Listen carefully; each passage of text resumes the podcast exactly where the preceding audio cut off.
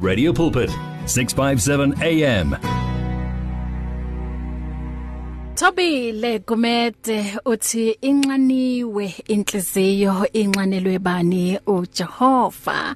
15 before 3 o'clock ngicela ukundlula ngala and uma ngibuya sizothola ke imotivation ngo sis Kethiwe phakathi. If you need prayer please send your request to prayer at radiopulpit.co.za or WhatsApp 067 429 7564 or go to Radio Pulpit website on www.radiopulpit.co.za. Come live the life at 657 AM If you need prayer, please send your request to prayer at radiopulpit.co.za or WhatsApp 067 429 7564 or go to Radio Pulpit website on www.radiopulpit.co.za.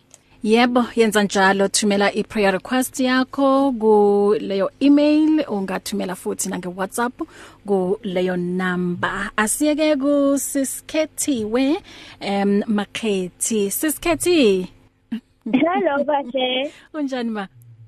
Uphilile unjani sisi? ngiyaphila nami. Lihamba kanjani izulu ngalapha Aw uyazi ke umuntu makafana nezulu suke sekakushaye nje ngegama elingamnandi ngoba ngiyamvusa kuyavulwa la. Aha, aha. Siyakwamukela la ekhaya. Siyabonga ukuthi u- ube nathi. Sibonge futhi ekutheni ube ngumngani, uphinde futhi ube ngumsizi. Ngoba bingelele emakhaya. Yebo ngiyabonga kakhulu lethuba leli bahle. Ngibingelele wonke umuntu osemakhaya. Ngibonge kakhulu ukuthi ningiboleke indlebe yenu namuhla ukhethiwe phakathi i-confidence coach yenu. Wow, and okuhle ukuthi sizohlala nawe inyanga nje yonke le um ka February. En uFebruary usazoba mnandi kakhulu ke ngoba namhlanje sizoqala ngephuzu le uNkulunkulu nezinhlungu zami. Ngokhuluma ngalokho nje namhlanje inyanga kaFebruary mayilo uqhubeka njalo sizo tackle amanye ama topics. Wow. Asiqale la ke ngoba eh, okokuqala nqa siba nawe la emoyeni sibekele nje isithombe sakho ukuthi ungubani ukhethiwe. Okay ngiyabonga kakhulu bahle ukhethiwe makhethi wakwaphakathi ngi confidence coach okusho ukuthi ngokusiza ukuthi ube nokukhuleka okukusiza ukuthi ube uwena ngeqiniso noma ngabe ukuphi noma ngabe nobani noma ngabe kwenzakalani la ukhona kodwa i confidence yona mm. ibe sesimeni ukwazi ukuyenza lokhu uNkulunkulu akubekele khona ukuthi ukwenze Wow, wow. Mm siyajabula ukukwazi eh nomndeni wethu ngiyazi ukuthi bathi yo sesithole omunye ke okuthi em angasiza ngoba uyayazi nje impilo inezinto zayo. So um uma kunabantu abafana nani um khethiwe siyazi ukuthi um izobuya futhi le confidence. Nanoma kuukuthi mhlambe beyingasekho. Okay um asingene ke kwi motivation yanamuhla. Usimotivate ngazi phi today? Okay so today ngizokhuluma about uNkulunkulu nezinhlungu zami God and my pain. Mhm. So la ngifuna ukuqala khona ukuthi singabantu esikhathi lesiningi sizithola sise ekukholweni ukuthi ukuzwa imizwa into engafanele ne? Ngizokwazi ukuthi ngitsho kanjani. Mangabe mhlawumbe kwenzeka into ebhlungu sibaleka ubhlungu mangabe kwenzeka into ekuthukuthelisayo sibaleka ukuthukuthela mangabe kwenzakala into ekujabisayo siyakubaleka ukujabisa so manje ngoba imizwa yakho ijwayele ukuthi wena awufuni ukuyizwa uhlala uyibaleka njalo noma sokunemizwa emnandi like njengenjabulo nentokozo uyabona nokukhuleka nazo lezo sokunzima ukuthi uzizwe ngoba imizwa yakho iyazi ukuthi wena i default setting yakho is avoidance. Angithi ngoba ufuni nje ukuthintana nemizwa yakho. Yeah manje ingozi ke isekutheni uma into efana nepain njengoba namhlanje sikhuluma ngeinhlungu into efana nepain uma ihamba ungayizwile kahle hle iyabulala. Ngoba awuyizwa ngoba uyayibaleka kodwa ukukubulala yona iyakubulala it's like eh a poison angithi awufuni ukuyibuka ukuthi khona. Kodwa lokhu iyakudla ngaphakathi. Kodwa the solution is uma uzivumela ukuthi uyizwe lobo buhlungu lobo uma ubuzwa ngokupheleleyo then it opens you up to to lean to God's availability. Because uNkulunkulu is available he's there. But when amount decide ukuthi you're going to duck the pain you are actually lying to God presenting your false self to God ukhuluma noNkulunkulu sengathi konke kulungile kungalungile. Esikhathini esidlula kuso ke manje njenge South Africa nomhlaba jikelele abaningi balahlekelwa abantu ababathandayo. Balahlekelwa excuse me imi imisebenzi. Uyabona akumnandi. Abantu ababathandayo bayagula. Kodwa abantu mabafika kuNkulunkulu ba present their false selves ukuthi mina ngi right angidinge lutho eh angibuzwa ubhlungu ngakho ke kusho ukuthi awumdingi uNkulunkulu. Kodwa mangabe you going to open yourself up ukuthi uyifile fully that pain uzomo uzomo attached to God's availability then you can lean on him. Ngoba ukulina kuNkulunkulu bahle kuhamba ne transparency yeah. Mhm awuzukuphumelela ekunikeni kuNkulunkulu uma ngabe you are not willing to be transparent. Mm. So yena he's ready he is there willing to embrace us when we leave him. But the thing is are you willing to be transparent? Yes. Some people will say ne eh makhethi ubuhlungu bubuhlungu usho kanjani ukuthi kumele nivumelane nokubuzwa? Mm mm ubuhlungu lobo u- njengoba uyizwa ipain ukuthi ibhlungu iyenzelwe khona ukuthi udlule because without feeling there's no healing Yeah. you have to feel it to heal it mm uma ungayifili when utshela ukuthi usuyihilile kanti usuyigcishile nje somewhere la izobola khona ivele ngakusasa Mm. so you need to feel it to heal it kodwa thina njengengane zikaNkuluNkulu sinendaba ezimnandi phela ezi- eziphana ngempilo ukuthi Yeah. uma uyifila kanjalo awedwa Mm. uma uyifila kanjalo awedwa because uma uyigcisha ungafuni ukuyifila. Wenza sengathi hayi konke kulungile konke ku right bayashona bayagula engibathandayo bayangilahlekela emsebenzini ngiyangiphunyekela kodwa hayi ku right ku right ku right mina ngihamba noNkulunkulu wenza sengathi kulungile. Inkinga lapho kuba ukuthi ngakusasa. Uwo yobuthuka uNkulunkulu ngalobo buhlungu ongavuma ngokubuzwa uwe kusasa yobuthi hawu uNkulunkulu kanti ube kuphi hawu uNkulunkulu kanti naye unje akathembekile ngoba wena awumnikezanga isikhala sakhe sokuthi azibonise ukuthi uthembekile. Mm. uNkulunkulu umnikeza isithuba lokuthi athathe isikhala sakhe aziveze ukuthi uthembekile ngokuthi wenzeni? Umvumele akubone the way you are Mm. and then uline fully on him. But we deprive ourselves that opportunity because sifundisiwe phela bahla ngithi whether Yeah. directly or indirectly ukuthi you must always be strong. Uyabona ke leyo ndaba leyo Hey, ukuthi yeah. hayi strong hayi nizoba strong eh hayi kuzolunga iba namandla. Those words abaningi abantu bayaxabana nami uma ngithi angifuni kwezwa mangidlula enkingweni angifuni ukuthi i must be strong. Usho- ngoba abantu esikhathini esima bathi you must be strong. Basho khona lokho ukuthi ungavumi uku- ukuyizwa imizwa. Mm bese khona ukuthi yenza sengathi awukuzwa lokho okuzwayo.